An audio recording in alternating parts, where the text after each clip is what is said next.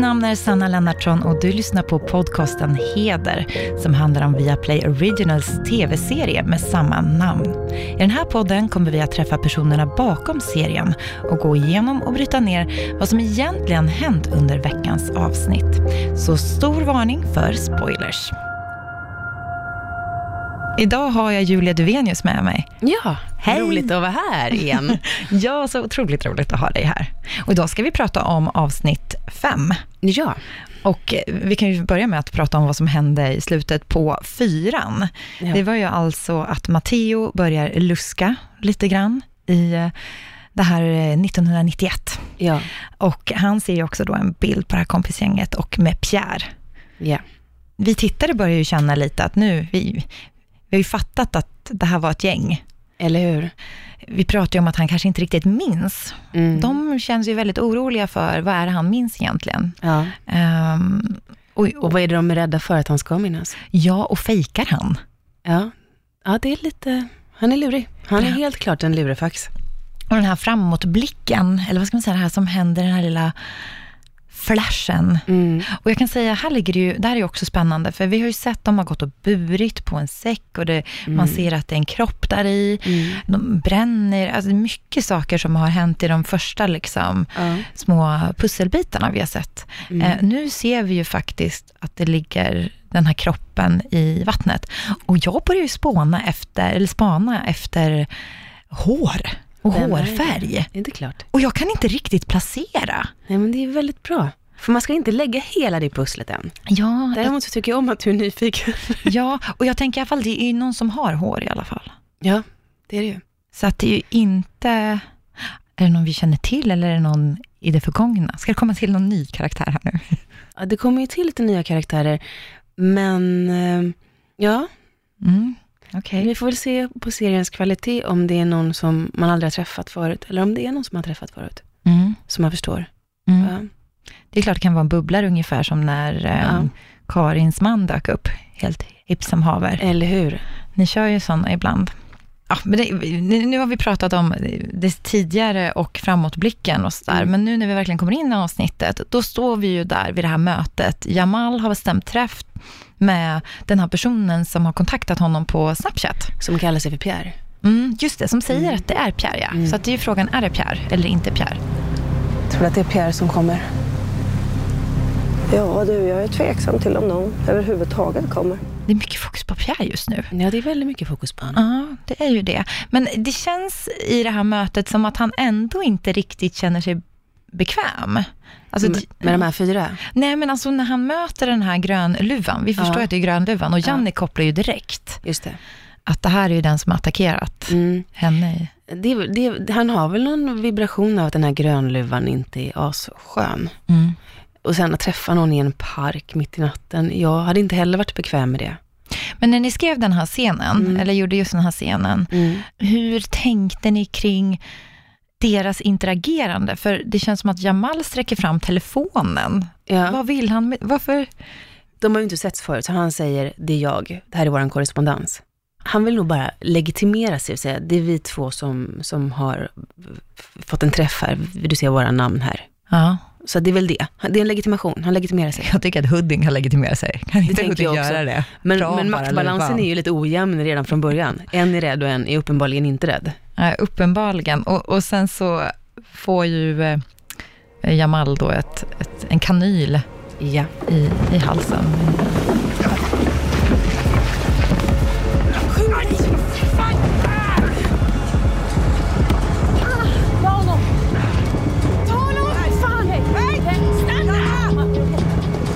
Ganska brutalt mordvapen det här med att liksom ge folk överdoser sådär lite.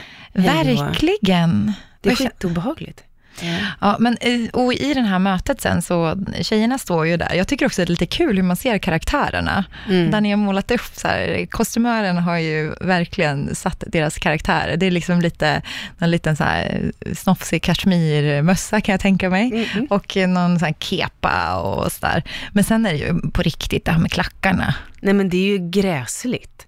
Här kan jag ju berätta när vi skulle filma det här jag var så, vi var så kaxiga allihopa, det var ganska kallt, det var lite snålblåst, väldigt stunt, men på plats, för det skulle ändå vara ett koordinerat slagsmål eller flera och jakt och ja. Och jag var ju askaxig, jag tänkte så här, men det här är, det här är lugnt. Så vi ska repetera och jag ska springa efter Hoodin, som alla andra. Och sträcker mig i ljumsken, det första jag gör, första repetitionen. Vi har liksom åtta timmars nattfilmning med jakt framför oss. Nej. Så vi får ju genast lägga om sceneriet. Att Elin genar och rullar ner för en slänt till exempel. Nej. Jo, jo. Vadå, ni fick göra om alltihop? Eller ni Ja, fick vi tänka lägga om? Ja, vi fick tänka om. För jag kunde ju inte springa. Jag kunde inte halta fram och hamna liksom tio meter bakom. För publiken väntar på en, två, kommer inte den här kärringen snart? Fast inte en chans att jag skulle komma ikapp liksom. Men vad var det tänkt att skulle hända från början då? Att alla skulle springa efter, det var en annan koordination på det. Mm. Att vi skulle vara så här ascoola. Men jag blev väldigt ödmjuk inför mitt 43-åriga jag och kände att, ja, man blir äldre och behöver värma upp. Men hur, vad gör ni då när det händer sådana här saker? Alltså, tänker ni om väldigt, väldigt fort, alltså teamet? Eller blir det så att man får liksom bara, okej, nu tar vi och överlägger en lång stund Nej, här, eller? nej. nej. Nej, Det, det kan ju säkert hända ifall det är något allvarligare, men nu hade vi också stundkoordinatorer där, som sa, "Ja, men då kan vi göra så här och så här, så springer du nästan inte, utan då ser det bra ut. Men, ja. Men jag tycker du gjorde väldigt bra ifrån dig. Jag märkte inte att du var skadad. Nej, vad bra. Man apropå klackar, det är också väldigt roligt tycker jag att se medelålders kvinnor jaga skurkar i klackar. Mm. Det, det är ju inte, det är inte helt glamoröst. Det är ju ganska töntigt och ser rätt klumpigt ut. Ja, men jag tycker ändå att ni gjort det ganska bra kring det här med att, att det blir ändå ganska realistiskt. Det är liksom inte sådana så här Wonder Women. Nej, någon tar av sig skorna, någon börjar kräkas och Ja, ja men det, precis. det går ju inte jättebra för dem. Nej, och man blir lite frustrerad också. Ja, ja, ja. Men visst, man får ju lite ändå känslan så här, nu har vi det här, nu har vi den här personen och, Mm, mm. och samtidigt så, han är liksom fast nu. Men eh, det sket sig ju också. Ja, vi lyckades inte rädda Jamal. Nej, det var ju inte så lyckat. Och uppsåtet var ju gott liksom, men de leker ju med krafter som de uppenbarligen inte har kontroll över och som är farligare än vad de trodde. Det var dumt i backspegeln. Mm. Vi skulle inte åkt dit. Det är lite deppigt faktiskt, kring Jamals död. Eh, Även om Mm. det förenklar ju, både för oss tittare och för er. Så vi inte så här, vilka utpressningsförfaranden har vi på gång här nu? Och relationen med mamma, Karin, blir ju ganska, hon är ganska bra på att säga från då. Då blir det så här, Ja, det är som att hon bara, orkar inte mamma nu. Nu kan jag Nej. inte liksom svassa efter henne. nej, och de är inte heller beroende av den extrainkomsten Mm. på en halv miljon. Knack, knack, knack. Ja, vid 19-tiden så kommer Ralf och hämtar upp er i limousinen och eh, Saudi Oil vill ha dresscode smoking. Ja, men det kommer de inte få för det kommer inte bli av. Jag trodde att du behövde 500 000. Fast inte längre. Om det inte var något mer så har vi lite att stå i. Tack. Det är, ingen, det, är ingen, det är ingen kul kostnad att mörka, tänker jag. Nej, och det släpper ju lite trycket också, för alltså, de har ju, den här pengabristen blir ju också som en press på dem. Mm. Att eh, Karins mamma har ju det här övertaget. Ja, Att kan hela tiden, ja då ska ni äta middag med de här och ni ska göra det där och ni får era pengar om ni går med på mina villkor. men det handlar ju också om, om, tycker jag, som en twist att vissa säljer sig för att få, få råd att leva och för att eh, det är den enda utvägen. Men heder prostituerar sig också i en bemärkelse. De går med på att vara kuttersmycken, som Birgitta uttrycker det, till eh, rika människor. Det var den också belysningen vi ville göra. För det är det också man tycker någonstans, särskilt tycker jag i seriens början. Sen har vi ju märkt, för att lära känna de här kvinnorna lite Mm. bättre. Men jag tycker också att man har upplevt dem, de är ju väldigt starka med skinn på näsan. Men ibland känns det också som att in, innerst inne så är de väldigt sårbara. Mm. Att de har byggt upp en, alltså visar en front och en fasad som är extremt stark och skinn på näsan. Mm. Och så ser det ju ut i, i samhället som Verkligen. stort. Och så tänker jag med deras gemensamma förflutna och en eventuell skuld eller vad behöver jag betala tillbaks för att må bra? Alltså gottgöra då. Och så blir de väldigt ensamma med det här för att de pratar inte riktigt med varandra om det och de har ju ingen annan att prata om det med heller. Elin har ju tidigare liksom lättat på trycken, eller hon har ju problem haft problem med alkohol, en nykter Mm. alkoholist. Och nu ser vi ju hur det här, liksom stressen, nu börjar hon fingra. Vi har ju kunnat ana nästan, känns det som, att det kanske, Ska hända någonting. ja, hon fingrar på de här flaskorna i hotellet. Och, Ja, gör ju det. Var det viktigt liksom att ta med den typen av aspekt också? Eller vad var liksom syftet med att, att mål, prata kring det här med alkoholism och, och Mm. den missbruksproblematiken? I vårat fall så var det att när människor är över 40 så har man ett visst bagage. Och det har man dealat med på olika sätt och fått olika konsekvenser av. Och det känns så skönt att visa på en lång nykterhet och en person som man kanske inte hade sagt, ja ah, men det där är en typisk alkis. Utan att, att visa på att det, det sker i alla samhällsklasser. Man kan ha lång nykterhet och torska för att man inte gör sitt jobb. Ehm, som, som nykter alkoholist eller nykter missbrukare så är, det ett, är man ju aktiv i sitt tillfrisknande varje dag. Mm. Det är en progressiv, latent sjukdom, alltid. Och det var inte så att vi ville ha några moraliska pekpinnar, men det var, det var ett väldigt fint sätt att gestalta vad händer med, med stressen och när man börjar ljuga och hemligheter. Och det ser vi ju på Åsa i det här avsnittet också, som Mm. ligger utslagen på, eh, på Ja. golvet.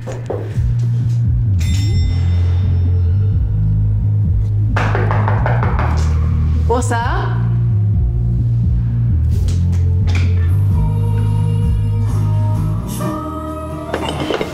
Du, du, du. Nej, släpp mig. Jag slutar, tror inte. Du. Den relationen har vi också jobbat väldigt mycket med på grund av jag tyckte det var så jävla jobbigt när vi filmade, bara, men så här grov kan man inte vara mot någon som man ska hjälpa i ett program och be om förstöra bevis och lögner och hej och hå. Och så får ju Åsa konsekvensen, men Elin får ju också konsekvensen. Mm. Ja, det I blir en slags Mm. samvets, ja, sam- samvetskvalen. Ljug inte i kontentan av alltihop. Ja, Så, tack för mig. så nu kan vi avsluta här. Men det tycker jag också är intressant när vi säger så här, de vågar inte prata med någon om 1991 och det Mm. som har hänt dem. Men de vågar trycka på sådana som Åsa eller mm, pressa gränser och utmana sig själva. Och, Mm. och det tycker jag är någonstans, det är som att de, det är en kastrull som kokar över. Mm. Det bara pyser ut. Mm. Istället för att de hanterar liksom Rot. Ja, ja, rotproblemet. rotproblemet ja, och kanske få ventilera det med Mm. varandra. Mm. Så börjar de liksom De är lite inkapabla där. De vågar inte. Och de blir också väldigt, men de blir ju väldigt också, de är ju väldigt fina också. De börjar ju tänka på sina vittnen direkt. Det här nu, Mm. det här med Jamal har hänt och helt plötsligt inser de ju faktiskt allvaret. Mm. Så de börjar ju titta på det här med Charlie och, eh, och Sandra också blir de ju liksom så här, vi måste se till, hon får stanna inne. Charlie, den här killen som, som eh, eh, studenten som Mm. prostituerade sig och som de är oroliga för, som är inblandade i NIT, som de har fått hjälp med att få lite inblick där. Just det. Men där sitter ju han och väntar då. Charlie sitter ju ner och väntar på kvinnorna. Mm. Och då kliver Klas in. Du ser rädd ut. Du visste väl att jag jobbade här? Tänker du prata om oss? Bra. Du, Nate sökte upp mig. Hm. De undrar vad du är.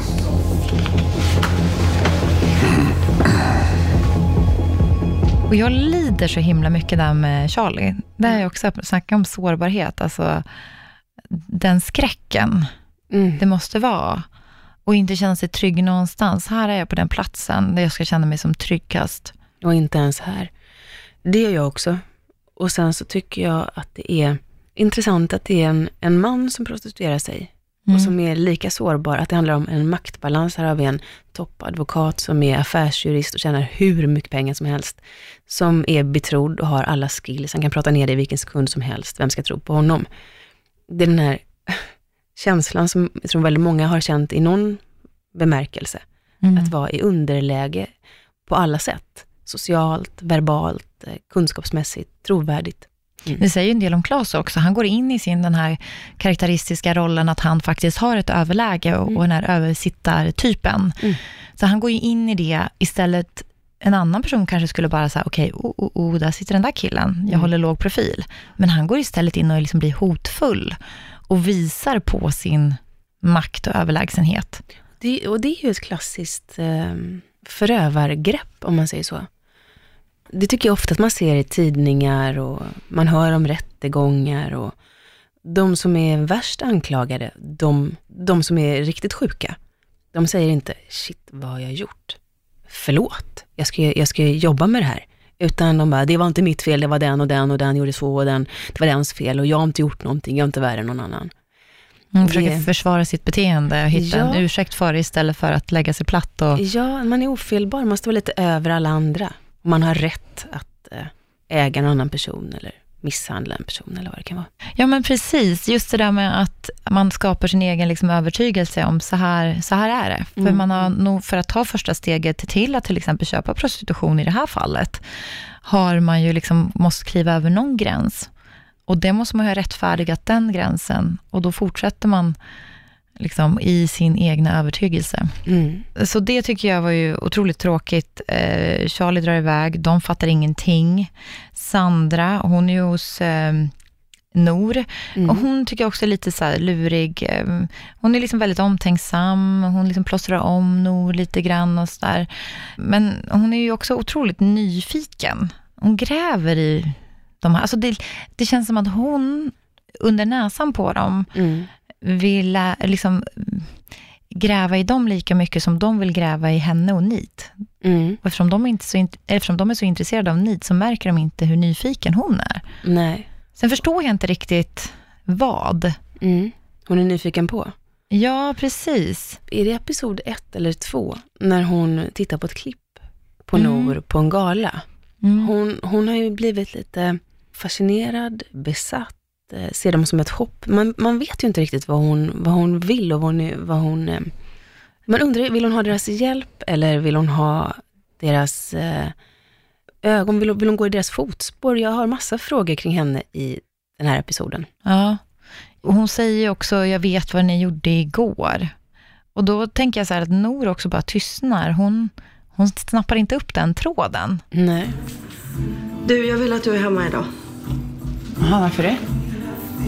Därför att, därför att det är bäst att du är hemma idag. Och jag vill att du låser alla låsen när vi pratat om. Jag kan vara hemma, det är mysigt här. Jag vet vad ni gjorde igår. Och där känns det som att det finns en tråd för Nor att, att dra i, Ja, kring hennes nyfikenhet. men Sandra är ju, hon skojar ju med Nor. Nor fattar ju inte hennes humor. Det är ju som ett annat, tidigare avsnitt när hon säger jag äter vad som helst utom, eh, vad säger hon, hästtestiklar eller vad säger hon? Ja, det kommer... nej. Någonting sånt. Nej. Ja, Eh, faktiskt... och blir, förstår inte det heller. Hon, hon slänger sig med saker. Hon tycker att Nor är en mussla och hemlig och mm. nu berättar jag om mig. Varför berättar inte du om dig? Ja, men det är lite spännande deras relation. Mm. Och jag träffade faktiskt Alexandra Rappaport som spelar Nor Mm. och frågade henne lite om Sandras och hennes relation. Sandra eh, bjuder ju lite in sig själv att bo hos Nor. Hon är ju, hon är ju under hot. Och de vet inte riktigt vad de ska göra av henne eftersom de behöver hennes vittnesmål. Och Nor är ju ganska motvillig att få någon eh, in på sig på det sättet. Men till slut så får hon ju då Sandra på halsen. Som, och Sandra är, ehm, är prostituerad och arbetar, har arbetat då inom det här nätverket NIT. Och det är ju ganska obekvämt. Nor är ju inte så inkännande och inte så eh, härlig att bo hos för Sandra. Hon eh, är ju ganska besvärad, störd över att ha en ung kvinna som hon behöver ansvara för eftersom ju arbetar, eller vad säger jag, lever ensam och liksom har valt bort nära relationer. Vad är det som stör henne mest? Jag, jag tror att det som stör Nor mest är att, att, menar att någon är där och inkräktar på hennes in- integritet och också iakttar henne. Hon blir ju blottad. Nor sover på soffan framför tvn för hon vågar inte sova själv i sovrummet. Nor har ju mycket fasadputsning och vill inte verka sårbar och har man någon boende tätt in på sig så blir den fasaden ganska svår att, upprätt, eh, svår att upprätthålla. Sandra är ganska bra på att syna Nor Ja, också. Sandra är smart och rolig liksom. Och ser ju igenom och gillar ju lite att peta i de där såren som Nor har. Och någonstans, det blir ju oemotståndligt för Nor. Så in, hon förstår det ju knappt själv, men hon börjar ju bry sig mer och mer om den här unga kvinnan. Nästan mot sin vilja. Så eh, senare när, när Sandra försöker frigöra sig så märker man ju att Nor, hon tycker det är jobbigt. Det är en scen som jag tycker är fångar deras relation, så jag tycker den är ganska rolig. Det är ju när Sandra kommer upp och vill lägga sig bredvid Nor på soffan. Ja, Det kanske är helt sjukt, säger hon. Och så bara, ja, det är det, men okej då. Ja, men det tyckte, ja, det är fint liksom att hon, eh, hon vill ha närhet och jag tror att Sandra någonstans genomskådar Nor att det är det hon längtar efter. Alltså att Nor längtar efter närhet också, men inte kan härbärgera det liksom. Så att de, de, har ju en, de har ju ett band, de har ju någon slags connection, Nor och Sandra, som är lite kantig och knögglig.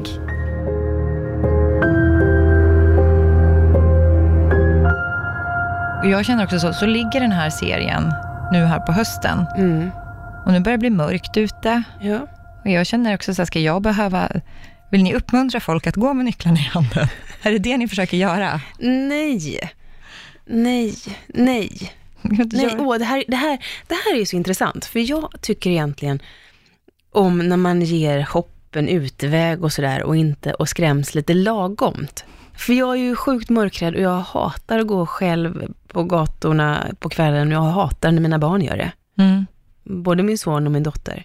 Vad gör du? Har du hårspray i väskan? Jag har ingenting, jag, jag pratar väldigt högt i telefon, som att jag vore lite galen om det kommer någon som jag är rädd för. Jag hade ett jättebra tip, tip, eller eh, grej som jag gjorde när jag var, när jag var tonåring. Det var att jag ropade på min fantasihund, Nero. Bra. Ja, det kan du tipsa barnen om. Ja, det är mer det. Mer Nero och spela lite galen i största allmänhet. Zorro kan de också heta. Någonting, någonting som låter Någonting muskler. kraftfullt. Kamphundsnamn. Båtsman. ja, precis. Ja, i alla fall stor. Ja. Nej, nej, men, nej, men det är ju lite så. Man blir ju lite mörkrädd. Ja, men det blir man ju. Och det är vi ju. Men thriller är ju spännande. Ja, men det är ju Vi det. måste ju få leka med mörkret. Men jag tycker nästan det är ännu värre när det är dag och händer äckliga saker. Det är väl det också. Jag kan tycka också så här, vad ni också visar, tyvärr, ni visar på väldigt många obehagliga saker som kan hända i den här serien. Ja. Men man också klär av liksom kostymen på människor och visar att den här personen som faktiskt känns så himla snäll och genuin, Mm. har det här i sig. Mm. Där hjälper ingen hårspray Nej, eller det. nycklar i världen. Nej. I den här, det här avsnittet, i avsnitt fem, Mm. så ska ju Isabelle eh, gå igenom en rekonstruktion. Först sitter hon ju ner med Nor och, och pratar om det här. Jag vill inte. Det är tyvärr inte upp till oss. Men jag vill inte. Åklagaren har beslutat att det är nödvändigt med en rekonstruktion. Varför det? Jag har ju sagt allting. För att backa upp det du har berättat. Visa hur det gick till. Eller Isabelle, så berättar du vad som egentligen hände. Men jag kan inte det. De hör allting. Vi har tillräckligt mycket på dem för att kunna sätta dit dem. Om du berättar det du vet. Berätta, Isabelle.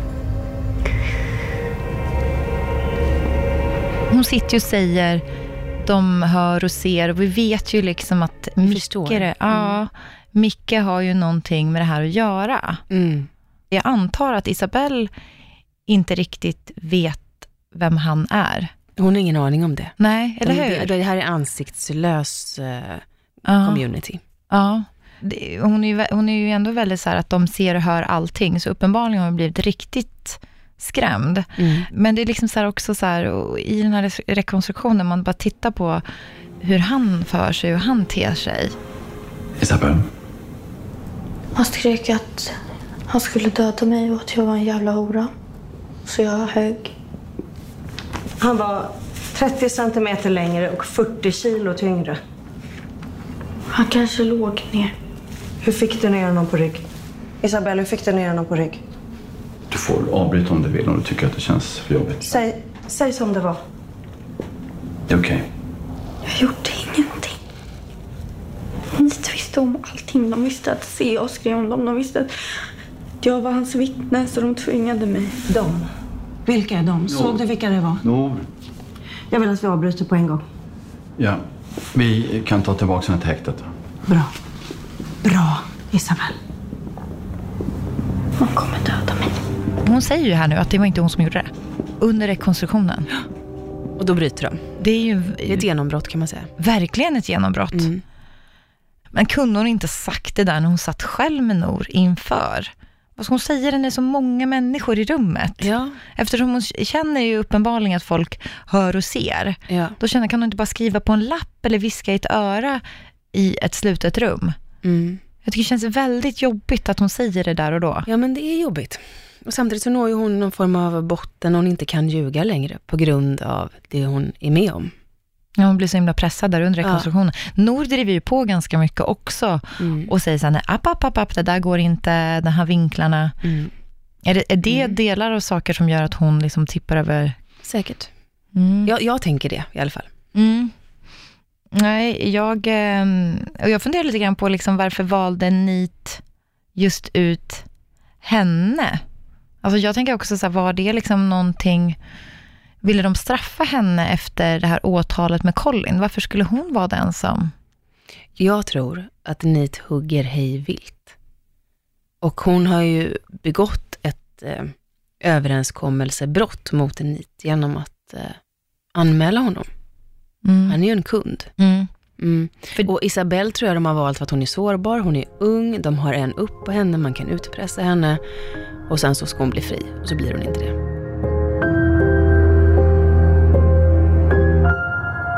Som vanligt händer väldigt mycket. Ja. Väldigt mycket i avsnittet. Marre har en liten del i det här avsnittet också. Mm. Hon, är lite, hon börjar lacka ur lite på Heder och på Janni. Jag skulle behöva låna lite. Bara så jag klarar mig. Hur mycket behöver du? Tusen. Ett till fem om du har. Vad är det du behöver? Kan jag inte bara köpa lite mat eller något? Alla kontantlån måste redovisas. Så jag inte köper cab eller? Var det själv som sa det? Ja, men skit i det då. Du har fått pengar av mig. Och jag har fixat boende och mat. Mm, jag säger att jag inte vill ha din jävla mat. Vad gör du ens här? Det är ditt jävla fel att jag inte kan jobba längre. Hon vill ju knarka i fred.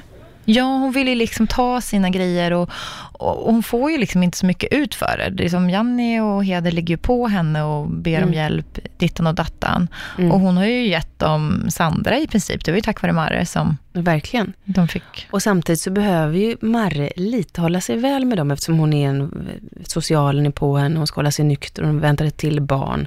Hon vill ha vårdnaden om sina... Hon står ju liksom verkligen med en fot i ett missbruk, vill göra lite rätt men helst vill leva ett normalt liv. Hon är ju väldigt eh, opålitlig i, sin, i sitt psyke. Men menar du att Heder skulle kunna utelämna henne som en dålig mamma för socialen? Nej, det tror jag inte. Men det är ju bra för henne att ha dem på sin sida. Kanske de kan vittna för henne eller säga, men kom igen, vi har varit nära henne, vi vet. Mm. Alltså, det, är- det är inte helt bra att bete sig som ett arsle mot en advokatbyrå som skulle kunna hjälpa en. Mm. Eh, Det slutar med att Marre ringer ju någon och ber efter pengar. Och det visar ju sig vara Grönluvan. Ja. Tja, det är Mara. Jag behöver 5 000. Ja, men 5 000 annars berättar jag allt för kärringarna på Heder. Och nu är det ju igen en sån här liten labyrintsnurr, Mm. torktumlare. Mm. Vad blev- tänker du då? Men vad, vet ju, jag känner så att fan, Marre vet ju vad Grönluvan håller på med. Grönluvan är ju den som har lämnat alla de här ledtrådarna kring 1991. Mm. Och också kontaktat Jamal. Så att det är liksom den här 1991-kopplingen.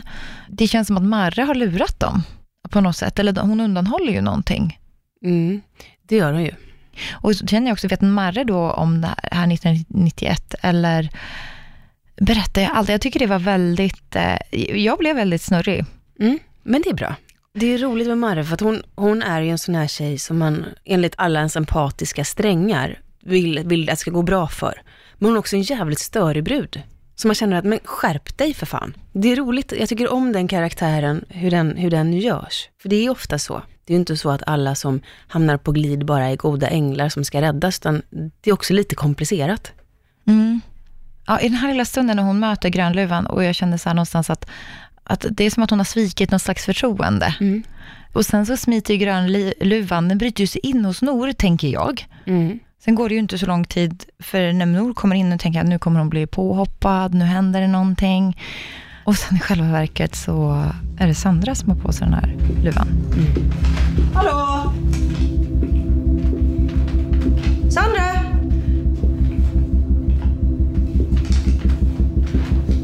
Är du här?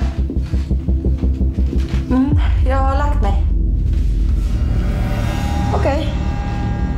Jag berättar allt för kärringarna på heder. Vad är det Marre vet som hon inte har berättat, som hon har underhållit för heder om Sandra? Mm. Som jag läser det, så har Sandra haft en eh, jättefascination för Heder och följt deras arbete och varit lite besatt av dem. Och frågat frågor och Mm. Det har nog hänt, hon har nog liksom betett sig lite suspekt där. Ja, Sandra, alltså jag blir också lite så här ledsen på Sandra, för det känns som att Marre har också, alltså jag trodde de var kompisar. Mm. Och jag tror att Marre egentligen skulle nog, eh, med ett nyktert tillstånd och lite stabilitet, vara en väldigt bra polare. Sandra har det ju lite tuffare med sig själv. Mm. Vem är hon? Ja, vem är Sandra? Det känner jag verkligen nu. Och, så bara så här, och vad vill hon då med allt det här med 1991? Mm. Varför vill hon på något sätt nästan utpressa, eller nej, inte utpressa, men varför, vill hon hota? skrämma, varför, varför vill hon skrämmas?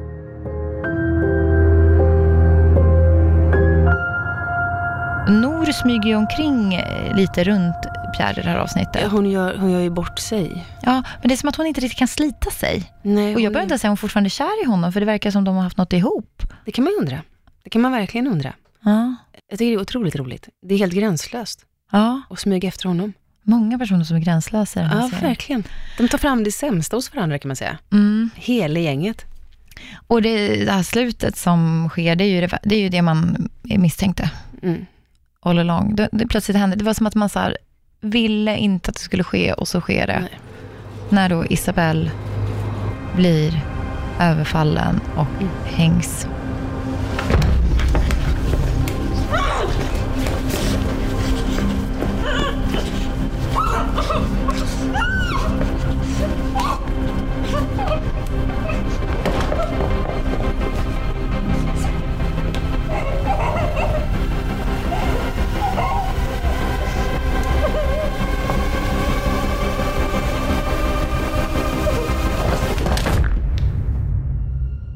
Nej men det är för jävligt. Jag tyckte ju både om eh, Vilma, skådisen, och Mm. liksom Isabelles Karaktären. karaktär Mm. förtjänade så mycket, Jag håller med. så mycket mer. Ja, det är ett väldigt intressant avsnitt. Vi ser fram emot avsnitt sex, som är eh, nästa avsnitt. och hoppas att några av de här pusselbitarna, kanske någon tråd knyts ihop i det avsnittet. Vi får se. Tack för idag. Tack för idag.